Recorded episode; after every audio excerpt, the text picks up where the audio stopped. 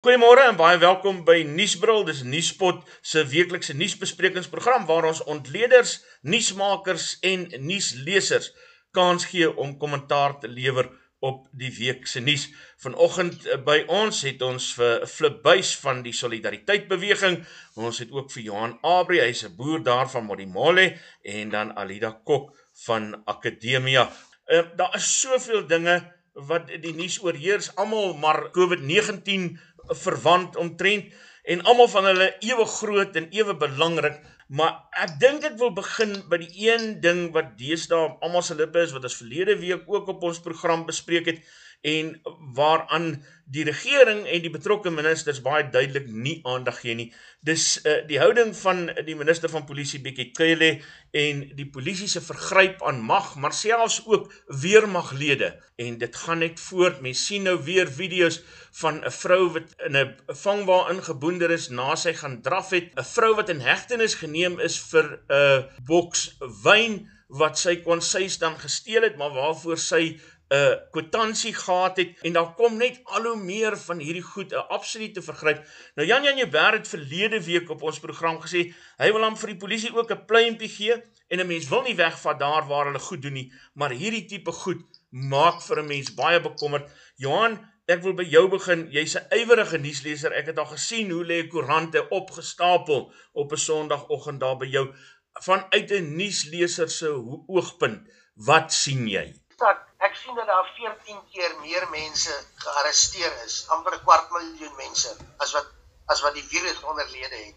Daar is 18 keer meer mense gearresteer as wat daar ernstige kontakmisdade soos verkrachting en aanranding en messteek was.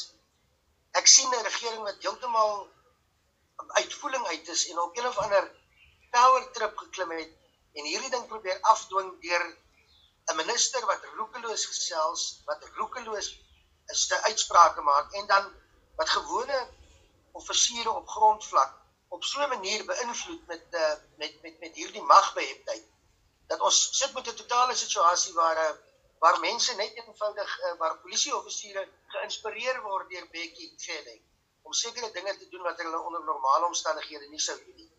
Ek dink die regering is heeltemal hardhandig ek dink Bekkie Cele is nie die is nie die man vir daardie vir daardie spesifieke pos nie. Onthou hy is as 'n voormalige polisiekommissaris nogal deur Jacob Zuma uitgeskop vanweë korrupsie. Dit is nie die regte persoon om aan die hoof te staan in so 'n sensitiewe periode waartoe ons nou gaan nie. En ek dink werklik waar dat uh, as gevolg van 'n klomp druk van 'n klomp organisasies af, is daar nou ewe skielik 'n code of conduct in werking gestel en as gevolg van druk is daai vier weermaglede wat vir wat die Kosa seun doodgeslaan het uh, in in Johannesburg nou ewe skielik uh, uh, uh, van hulle poste ontneem. Maar uh, ek dink werklik waar daar sal uh, baie erger gekyk moet word om met om dat die vryhede die vryhede van mense word nou so aangetast omdat daar geen oorsig deur die parlement toegepas kan word nie en dat president Ramaphosa en sy klein groepie ministers werklik waar nou die kitaar slaan en die grondwet soort van halfneem kan toeskuif. Dis Johan Abri wat so praat. Uh Flip wys jy's vanoggend by ons in jou rol as 'n nuusmaker. Dis iemand wat gereeld in die nuus is. Ehm uh, maar wat ook 'n uh, ontledende oogpunt op die nuus het. Jou mening oor wat besig is om te gebeur. Isak, ek wil 'n beginselstandpunt stel oor die gebruik van die weermag en die polisie. En dit is dat indien die grootskaalse gebruik van die hele polisie diens en die hele weermag nodig is om noodtoestand of 'n ramptoestand dan te beheer, dan is dit die verkeerde ding. Dan moet dit nie gebeur nie. Nou hierdie tipe misbruike wat jy van gepraat het, ons self het het en omtrent 50 mense wie ons bystaan uh, of 50 gevalle, daar's baie meer mense betrokke. Nou dit is te verwagte wanneer jy die polisie geweldige magte gee, wanneer jy drakoniese inperkingsmaatreëls het, moet jy hierdie tipe van gedrag verwag. Dit gaan net gebeur. Dit kan nie anders nie. En ehm um, dit is aan die een kant misbruike, aan die ander kant is dit uh, desperate mense wat probeer 'n bietjie atjaar verkoop, die een geval wat ons van weet en wat dan weet gearresteer word terwyl duisende mense op ander plekke net los rondloop. So uh hierdie uh, ding wat gebeur nou is 'n blote aanduiding dat die regering met die verkeerde ding besig is en dat hulle hierdie drakoniese inperking moet stop. Alida, uit jou oogpunt as ontleder, Het jy Isak wat my getref het met daai uh, een laaste video wat uitgekom het nou Vrydag van die vrou in Strand wat uh, gearresteer was. Ehm um, en wat later vrygelaat is want hulle kon geen rede vir haar arrestasie bepaal nie. Is dat sy geskree het terwyl sy geskree het help my, help my, help my. Het uh van die polisielede, ek sien heeltemal seker wie dit was, en mense hoor in die video hoe hulle sê mevrou moenie 'n video maak nie. Weet so ek dink wat gebeur is hier's 'n tipe autoritaire stelsel wat besig is om te ontwikkel. Toenemende autoritarisme wat in ons land op 'n manier posvat. Weet wat ons politieke instellings is veronderstel om die van 'n liberale demokrasie te wees. Ons ons stelsel is op ons oorspronklik so ontwerp dat daar wigte en teenwigte moet wees wat juis mars vergryp soos die op 'n plek hou. En ek wil aansluit op wat Flip gesê het. As mens as mens begin dink daaraan dat die weermag ontplooi word in jou eie land 'n weermag is nie gemaak om geontplooi te word in 'n in binne in 'n land en om teen burgers op te tree nie. En in die teenwoordigheid van benaderings soos hierdie, weet militariseer ons eie polisie mag. Dis so sister op autoritarisme groei in ons samelewing. Is daar soos soos wat julle almal nou ook sê, so is daar massegrype soos die wat gaan plaasvind. En mense se egos word gestreel. Ek dink intussen het ons 'n gedagte, ek dink om aan te besluit by uh wat Jan Jan Jouberg gesê het, die pleintjie wat hy gee vir die polisie diens. Ons moet ook in gedagte hou dat dit is 'n stelsel soos hierdie ontwikkel. Is daar daar's normale gewone mense wat vasgevang raak in daardie stelsel. Ehm um, so so ook met gewone polisielede, met mense wat eintlik net hulle werk wil doen in die polisie, word ook gedwing om eintlik iets te moet implementeer wat juis nie geïmplementeer moet word in ons samelewing. Ek wil op daai punt wat jy maak van die afwe die afwesigheid van wigte en teenwigte die volgende vra want ek wonder of dit dalk dan die kern van die probleem is. 'n uh, 'n vriend van my sê vir my in 'n gesprek, jy moet onthou die ANC is nie slim genoeg om 'n uh, een of ander 'n uh, soort klandestiene 'n uh, tipe plan te maak um, om hierdie tipe goed te doen wat mense hulle nou van beskuldig nie. Ehm um, so nou is die vraag, hoekom gebeur dit? Um, is dit as gevolg van daai belangrike wigte en teenwigte wat deel is van 'n demokrasie wat vir 'n oomblik wegval. Isak, ehm um, ja, dit ek dink as as mens gaan kyk na die geskiedenis, as jy gaan kyk na waar hierdie gebeur het in ander kontekste in die geskiedenis. En ek dink dit, dit op 'n manier is dit seker met tye 'n redelike fout pa om terug te gaan na die middel van die 20ste eeu in Europa uh, want ons is hier in Suid-Afrika, ons is in Afrika en ons het ons eie voorbeelde, maar ek kan nie help om terug te gaan en te gaan kyk na wat in Europa, wat spesifiek in Duitsland in die 1930s gebeur het nie. Weet hoe hoe hoe hoe 'n teenwoordigheid soos hierdie inkom en eintlik 'n vervronge moraliteit begin skep.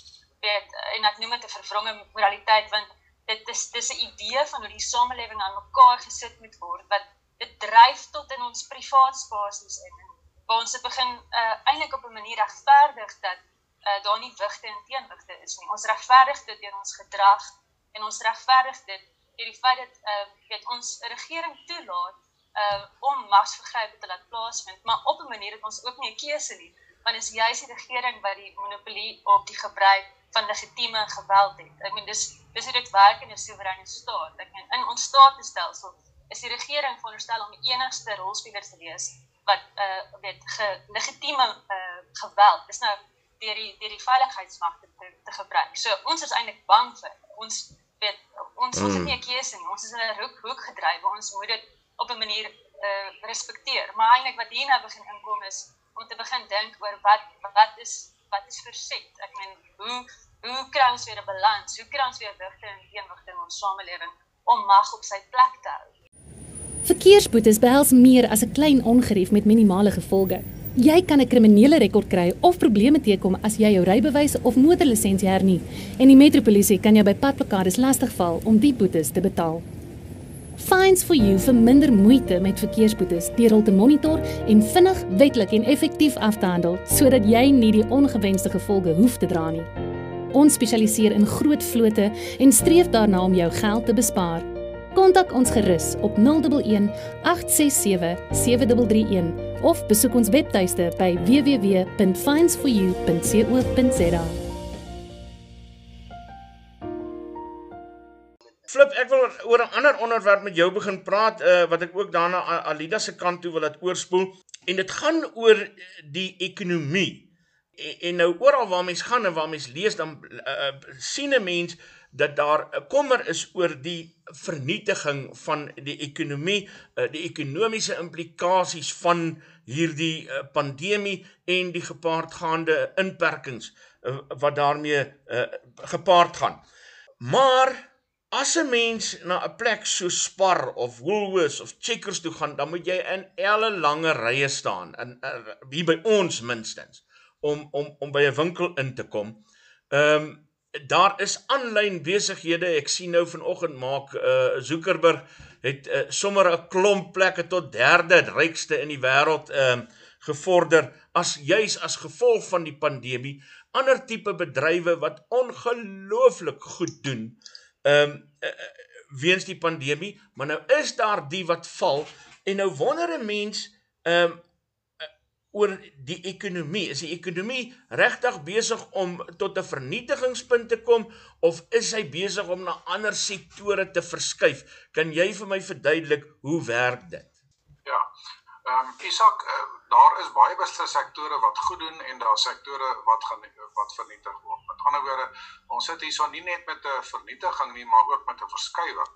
Nou uh, Josef Schumpeter, die was dan ek sê ekonom het gepraat van skepende vernietiging wat hy praat van kom ek sê die ou perdekar bedryf wat wat ondergegaan het eh, toe die motorbedryf weet begin het.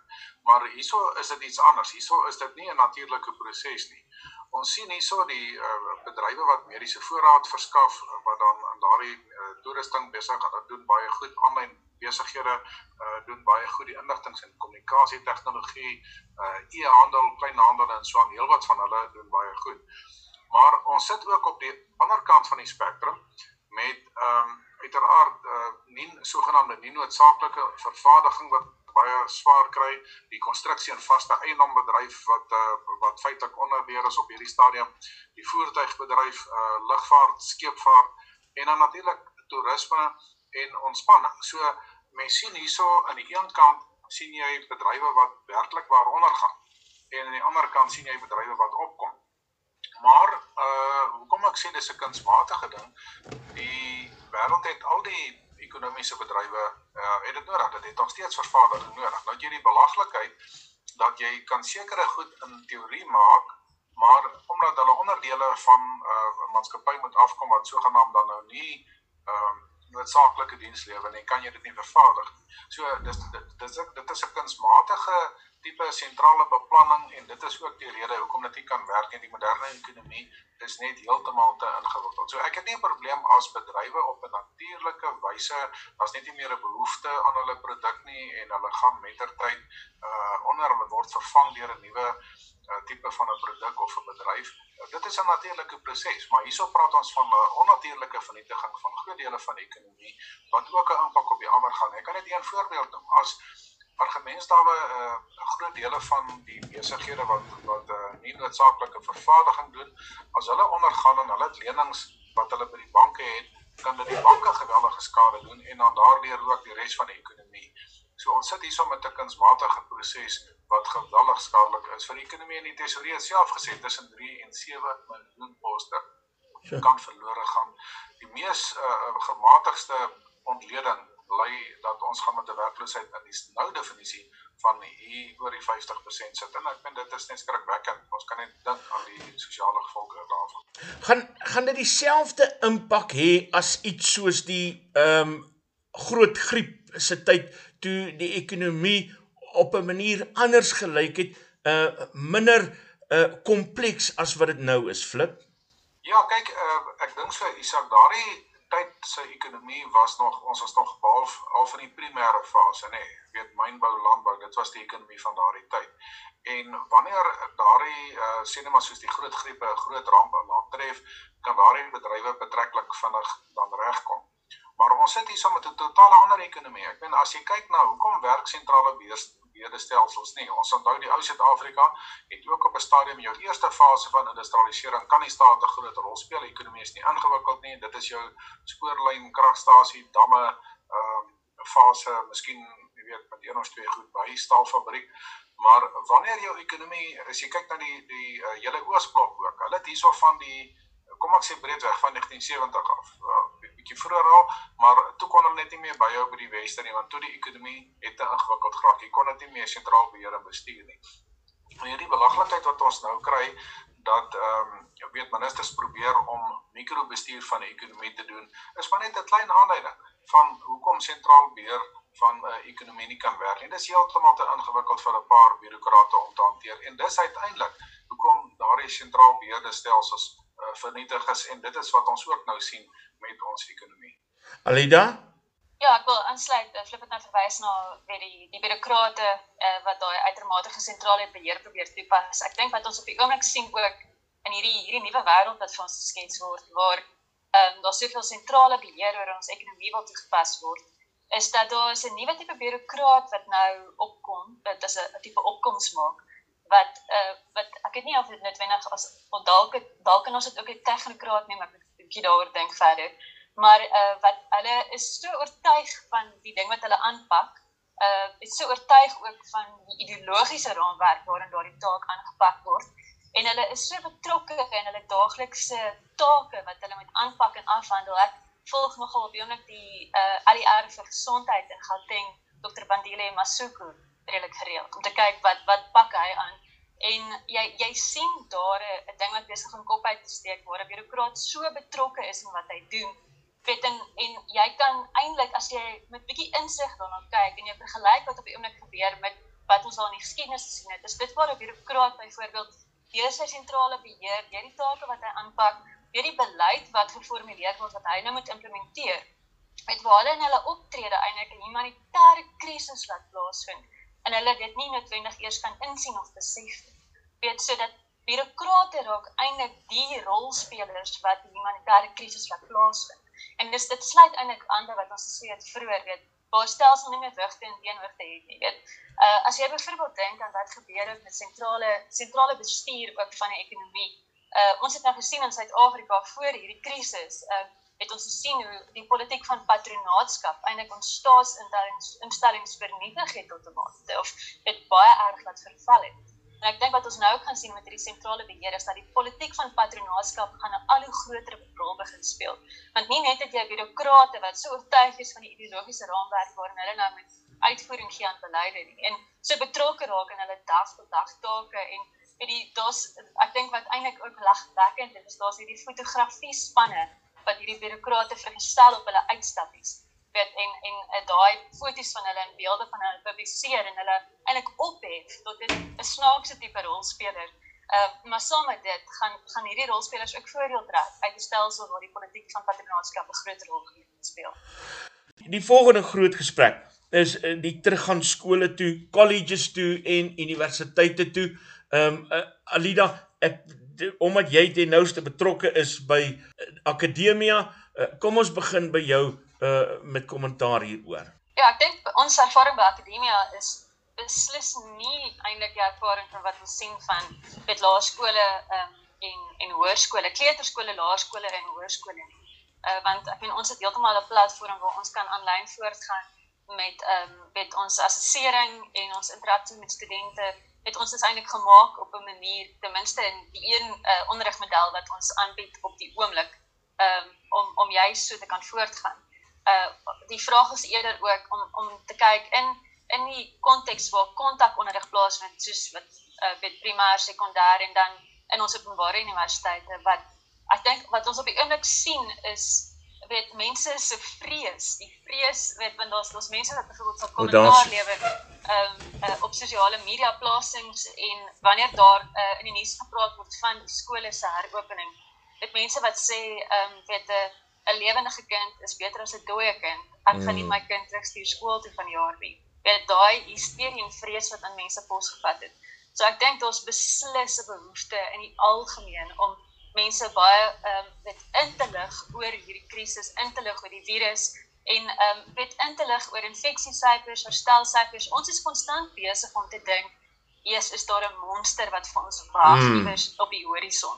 Ehm um, weet ons ons weet nie noodwendig hoe hierdie virus homself gaan gedra nie en op 'n manier is dit ook wat op die oomblik gebeur is eintlik 'n aanklag teen 'n uh, risikobestuur soos wat dit vorm gekry het in ons weet in ons wêreld. Ja. Ehm um, ek ver, ek wil net vinnig verwys na die uh, filosoof Nicholas uh, of Nassim Nicholas Taleb wat beskryf het oor die idee van ek gaan dit nou in Engels sê, uh, anti-fragility. Weet hy hy hy kyk eintlik van hoe kan ons eintlik uh ons kwesbaarheid verminder en sterker word. Maar daar's 'n hele daar's 'n baie goeie denkraamwerk agter dit. En ek ek dink dit sluit aan by die skole gesprek. Weet, ons is veronderstel om anti-fragility te kan laat ontwikkel mm. in ons skole en nie noodwendig gedryf te word deur vrees en hysterie. Johan, ek wil juis jou kommentaar daar hê vanuit 'n nuusleser se oogpunt, maar ook iemand wat hy nouste betrokke is in die gemeenskap. Ek weet jy het ook familie met ehm um, met jong kinders. Uh jou mening daaroor? Ja, ek het vanmôre net gou uh, nou voor dag dorp toe gejaag en uh, die koerant te gaan oplaai. En uh, wat my bekommer is hierdie om hierdie hele onder onder onderwysstelsel, die publieke onderwysstelsel nou weer op te start, soos die Engelsman sê.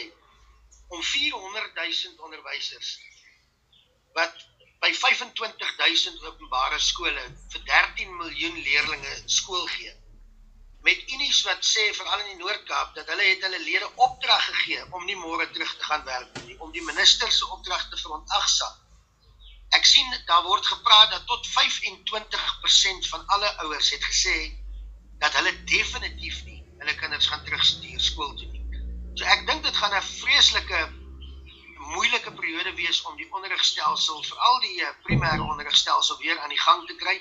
Ouers is maar bekommerd En ek dink daar ons is regtig waarin vir 'n baie baie baie moeilike periode om die onderrigstelsel weer aan die gang te kry. Wat my egter meer bekommer, is daar word nou geluide gemaak en gesê dat daar 'n moontlikheid is dat aan die einde van hierdie jaar leerders maar net so muur neergesit gaan word. Of jy nou 30% of 15% of 12% behaal, dat dat hierdie jaar dat ons maar van hierdie jaar moet vergeet en aanskuif na die volgende standaard toe. Dit is die klas goed wat ek dink ons baie baie ernstig gaan bekommer want kinders wat eh, wat 'n halwe jaar of 'n kwart jaar verloor het wat nou in die volgende jare in 'n moeiliker standaard moet gaan kompeteer en op die einde van die dag soveel agter geraak het. Dit is die klas dinge wat ek dink ons baie baie bekommerd hoef te maak op die stadium. Flip, ek wil met ek wil uh, oor 'n volgende onderwerp met jou praat. Ehm um, en dit gaan oor die uh ooglopende verskil, meningsverskil eintlik maar 'n uh, uitval eerder tussen sommige wetenskaplikes en ministers. Uh aan die begin van die inperkingstydperk het mense vir ons gesê luister na die wetenskaplikes, hulle lei ons in hierdie hele krisis. Um en mense het sommer vir jou kwaad geword as jy um nie aandag gegee het aan wetenskaplikes se menings nie. Nou skielik praat die wetenskaplikes nonsens. Wat gebeur hier? Uh, ja, Isak, ehm um, as die gety terugtrek, dan sien jy eers weet nie swembroek aan nie. en uh, wat ons hierso wat ons hierso sien is ongelukkig begin die ingeboude gebreke in ons uh, grondwetlike bestel begin nou duidelik word. En die belangrikste vir my in hierdie opsig is die feit dat ons nie 'n federasie is nie. Met ander woorde, wanneer jy 'n gesentraliseerde stelsel kry en een persoon bo neem die verkeerde besluit weet sê net maar meneer Zuma of of 'n mevrou uh, mevrou Zuma as hulle 'n verkeerde besluit neem dan het jy die uitwerking het jy verpletterende uitwerking op die hele res van die samelewing as as as een as die regering besluit ons gaan nie e-handel toelaat nie dan het jy 'n vernietigende effek op die lewens van van hoeveel mense. Nou wat ons hierso sien wat ek nou sê van die gety wat terugtrek is onder, ons moet onthou dat die ANC uh, ons ken almal hulle sosialistiese agtergrond die totalitêre neigings wat daar inskuil en wanneer daar 'n krisis is is enige mens in enige gemeenskap in enige land en enige party geneig om terug te val op sy harddiskyf sy ideologiese harddiskyf met ander woorde sy wortels waarvan hy kom en die kern daarvan is dat hulle glo aan 'n geweldige groot rol van van weet uh, vir die staat om hulle wil dan op die bevolking af te bring uiteraard soos hulle dit sien in die eie belang van die bevolking. Hulle hulle weet wat die beste is. Nou die feit dat soveel 'n uh, uh, kritiese massa van wetenskaplikes nou reeds hulle sê die inperking doen geen uh, verdere doel nie en die feit dat hulle nog steeds staan vashou is vir my 'n aanduiding dat die inperking gaan nie meer oor gesondheid nie, maar dit gaan oor politiek. Dit gaan oor ander redes. Dit gaan daaroor dat hulle op 'n of ander manier die inperking wil gebruik om meer politieke doelwitte te bereik. Nou of dit daar is, uh, ek sê nie dis bedoel om die middelklas te vernietig nie, maar dit kan die gevolg hê dat dit 'n groot deel van die privaat sektor uh, dan vernietig. Ons sien reeds meneer Pravin Gordhan en met alle respek meneer Ramaphosa hulle uh, wat sê dat uh, in 'n in 'n in 'n wêreld waar elke ekonom vir jou sê dat die lugvaart gaan die heel laaste bedryf wees wat weer gaan regkom. Daar's 'n slagting in die hele internasionale lugvaartbedryf in hierdie tyd wil hulle so waar weer die SAL weer laat herleef en hulle wil weer miljarde rande in die SAL uh, insit. So vir my gaan dit oor politieke doelwitte. Daar kan nie meer 'n mediese doelwit agter hierdie ding wees nie. Ons weet almal dat die inperking uh, het sy doel gedien en dit is net verstommend. Dit is soos om 'n om 'n werklikheids uh, CP reeks te kyk. As jy sien die tipe beleidsbesluite wat die mense neem van ons sentrale vlak en dan afkom op die land. Flip Reis wat so praat.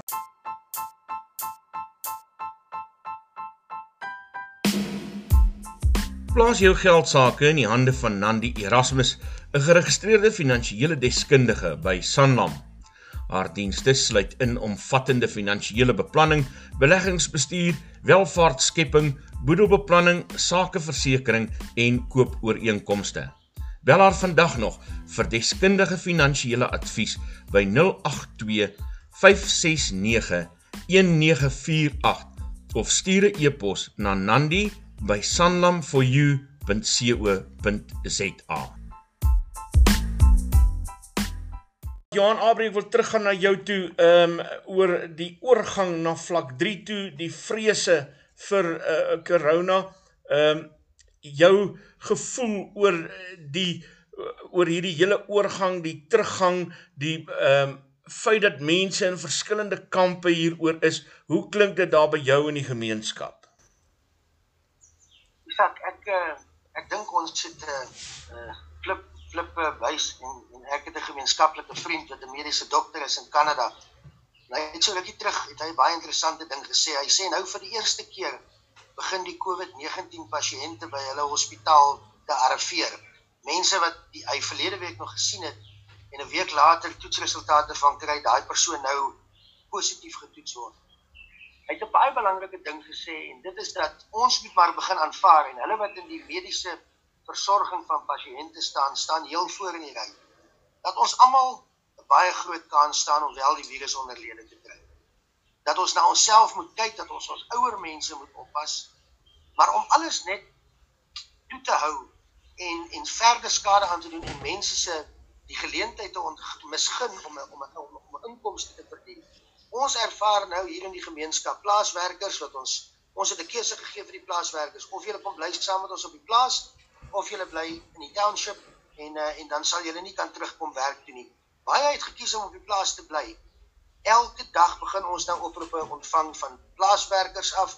Nie net ek nie, maar ook van my ander gemeenskap boere in die gemeenskap sê die mense wil terugkom. Dit gaan swaar by die huis. Die kos is klaar, die geld is klaar. So ek dink hoe vinniger ons op vlak 3 kom en in areas waar dit regverdig dalk baie vinniger afskuif na vlak 2 en vlak 1 toe, kan ons dalk nog die situasie red. Maar om om te gaan vassteek op vlak 3 en om die groot metro's op vlak 4 te hou en ek hoor die ANC praat dat in die Weskaap moet daar teruggegaan word na vlak 5 toe.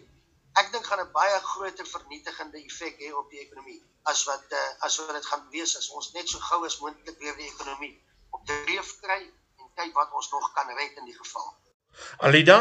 Ja, ehm um, ek ek dink dit hierdie hierdie hele ding rig ook uh lig in die rol van modelle uh die modelle wat gebruik word en die verskillende modelle wat daar is en ook hoe uh meeste modelle op die einde van die dag uh wel sommige modelle is nuttig maar modelle kan jou heeltemal ook 'n bandendruk gee van wat op pad is. Dit so ons sit hier eintlik weer as uh, ek dink Waldemar Waldemar Pelser skryf vandag in sy rubriek en rapport het hy lig uit die verskillende voorspellings was wat daar was al van wie almal die infeksie weet gaan of die virus gaan kry of moet dit gaan sterf weet van 48000 tot 25000 tot 12000 tot 35000 weet daar's soveel verskillende geweet voorspellings wat daar die wat die rond is toe.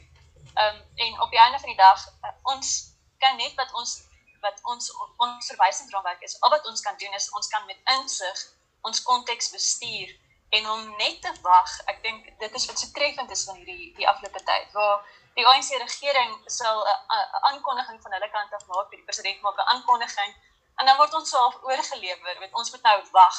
Ons sit nou en wag om te kyk wat gebeur. Ehm um, en uh, weet dit dit is glad nie die regte bestuur van die situasie nie. Ehm um, flip jou mening daaroor? Ja wel, uh Isak, die hartseer is, jy weet dat die ANC kon die land nie in goeie tye regeer nie, hulle kan nie nou regeer nie. En hierdie selfde tipe van uh foutiewe besluitneming wat jy vir baie jare gesien het, sien jy nou. Jy weet uh Kenneth Kaunda as ek sy woorde so 'n bietjie kan aanpas, dan is die ANC nie besig om probleme op te los nie. Hulle leef saam met probleme. Uh, as ek nou kyk na die verval van uh, die platlandse dorpe, as mens kyk na die verval van van Eskom, as mens mens kyk na die 715 openbare ondernemings wat die laaste jaar voor verlede jaar wat dit gemeet is, net een van hulle dis Bosbou het 'n wins gemaak. Ek meen dis dit is verskriklik. Dit is iets wat dit is net dit is ondenkbaar dat dit in 'n moderne land kan gebeur. En tog die beleid wat ten grondslag daarvan lê, die hele BE manier hoe hulle dit toepas en hoe hulle dit dryf, uh die ANC hou dit hou nie net aan daarmee nie, hulle wil dit nog verder uh verskerp. Ons het gesien die uitsprake wat selfs die president in hierdie tye uh daaroor maak. So dit is wat my bekommer, jy weet, dit is wat my bekommer dat dit lyk of die ANC nie iets um vergeet het van die oorsprong van sosialisme nie en dit lyk of hulle iets onthou van die rampspoedige gevolge daarvan nie. Natuurlik is dit nodig dat ons in hierdie land armoede ophef, dat ons werkloosheid ophef, maar die belangrikste manier hoe dit gebeur het, die geskiedenis was nou deur en deur bewys, naamlik dit is ekonomiese vryheid. Nie vryheid soos meneer Malema dink om te verbruik wat ander produseer nie, maar die vryheid om te produseer, die vrye markte. Want ekonomiese groei is die beste gelykmaker wat jy het en dit is dit is wat ons nou nodig het. En tog sien ons dat hulle net al hoe meer in staatsbeheer wil uh, jy weet wil glo en al hoe meer selfbesluite wil neem wat wat net nie in 'n moderne ekonomie moontlik is nie. Fliphuis wat so praat, um, ek wil 'n laaste onderwerp aanraak. Dis een wat eintlik snaaks kon wees as dit nie um, in uh, soveel tragedies geëindig het al soos die afgelope tyd nie. Dis die maak van tuisalkohol. Ehm um, en uh hoewel baie van ons nou grappies daaroor maak, ek self het al 'n stookketel hier by my huis gebou om mampoer te stook. Ehm um, wat eintlik net 'n lekkerder uh hobby is, is wat dit lekker is om te drink. Dis boer is glad nie so lekker nie. Maar dis nogal 'n lekker hobby. Maar maar maar daar is verskriklike risiko's daarin en sit die pres berig vandag daaroor ehm um, dat daar blykbaar 'n toename is in pasiënte wat behandel word vir uh siektes wat verwant is aan die maak van tuisgemaakte drank. Ehm um, en mense gaan selfs dood daarvan omdat hulle verskriklike goed daarin gooi. Ek wil sommer kommentaar daarvan jou kant af ook hê. Ehm um, Johan, uh want daai wêreld daar waar jy is, is al seker heel wat mense wat ehm um, in elk geval al baie lank bamboer stook.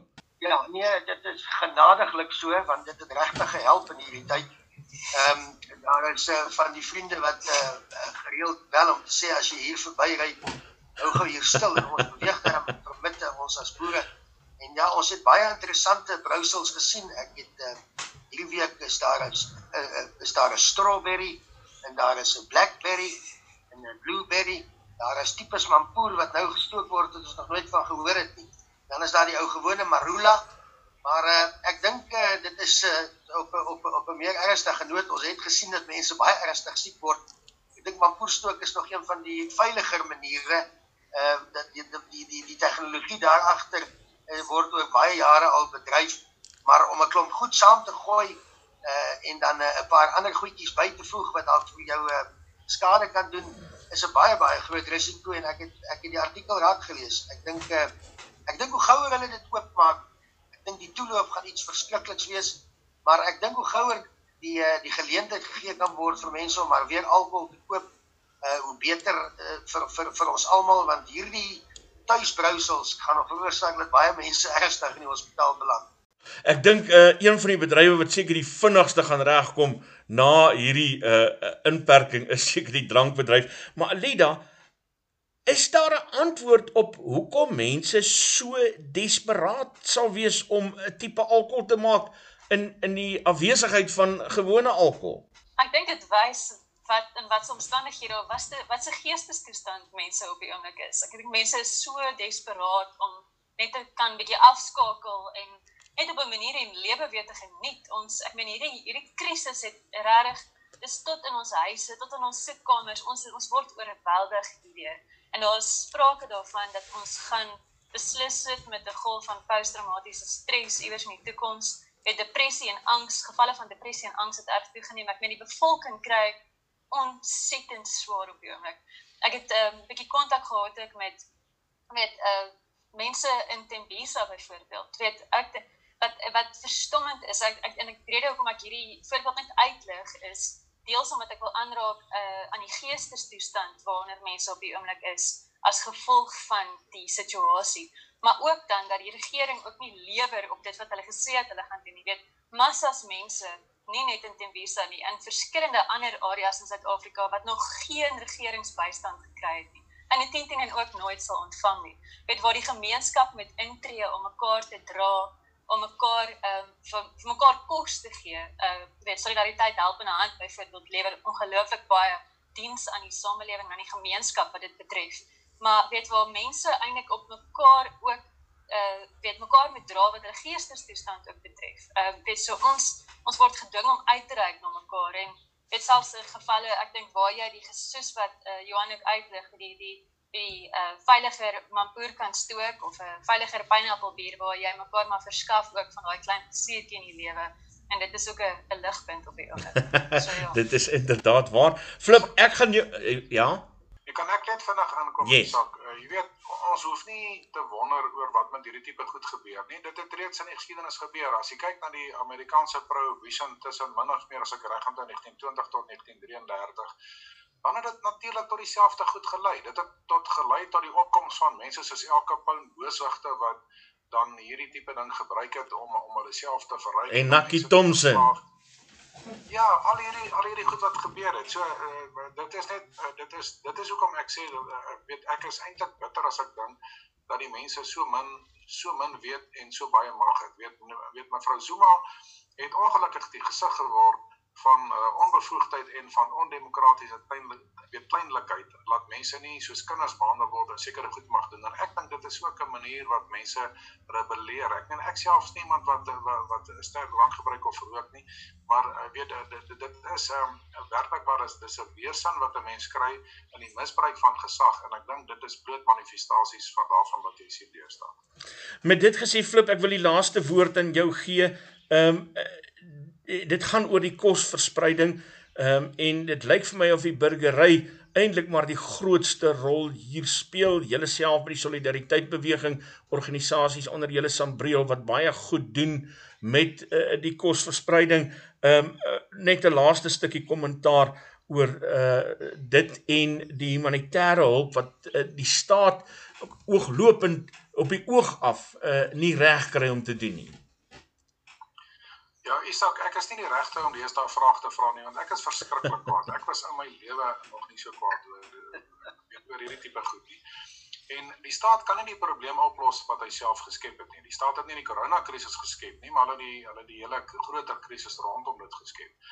En R.V. Johnson sê vanmôre in die rapport dat as jy die ANC raadslede in beheer van kospakkies sit, dan is dit soos om Dracula hoof van die bloedbank te maak. nou dit is daar's onsaglike korrupsie. Jy kan myself kyk in die koerant daar's reeds onsaglike uh korrupsie. Eers uh, natuurlik ekonomiese korrupsie oor hierdie kospakkies en dan staan ook politieke korrupsie. Mense wat kospolitiek pleeg, weet wat wat letterlik dan net gee vir mense wat hulle ondersteun. En, en dit is tipies die teelaarde wat jy kry wat hierdie tipe van misbruike dan dan voorkom. So ons het besluit, 'n beginsel besluit geneem. Ons sal nie dat hulle ons kos uh, die kosverspreiding beheer nie. Dit is totaal en al weer eens sentrale bestuur, uh sentrale beplanning. Daar's 'n rede hoekom hierdie goed misluk het in in die in groot makro stelsels soos die Sowetstelsel en so. Uh sentrale beplanning en bestuur kan net nie werk nie. Dit is te ingewikkeld. Wat op aarde die ANC al een keer suksesvol gedoen op sentrale gebiede. Hulle sal hierdie ook nie suksesvol kan doen nie. So ons gaan daar net verby en ons gee die mense kos waar ons kan. Baie dankie Flip Buys van die Solidariteit Beweging. Ons het ook gepraat met Alida Kok van Akademia en Johan Abri van uh, Modimole as ons nuusleser vanoggend. Baie dankie vir julle deelname aan uh, die gesprek. My naam is Isak Du Plessis. Ek groet jou tot ons volgende episode.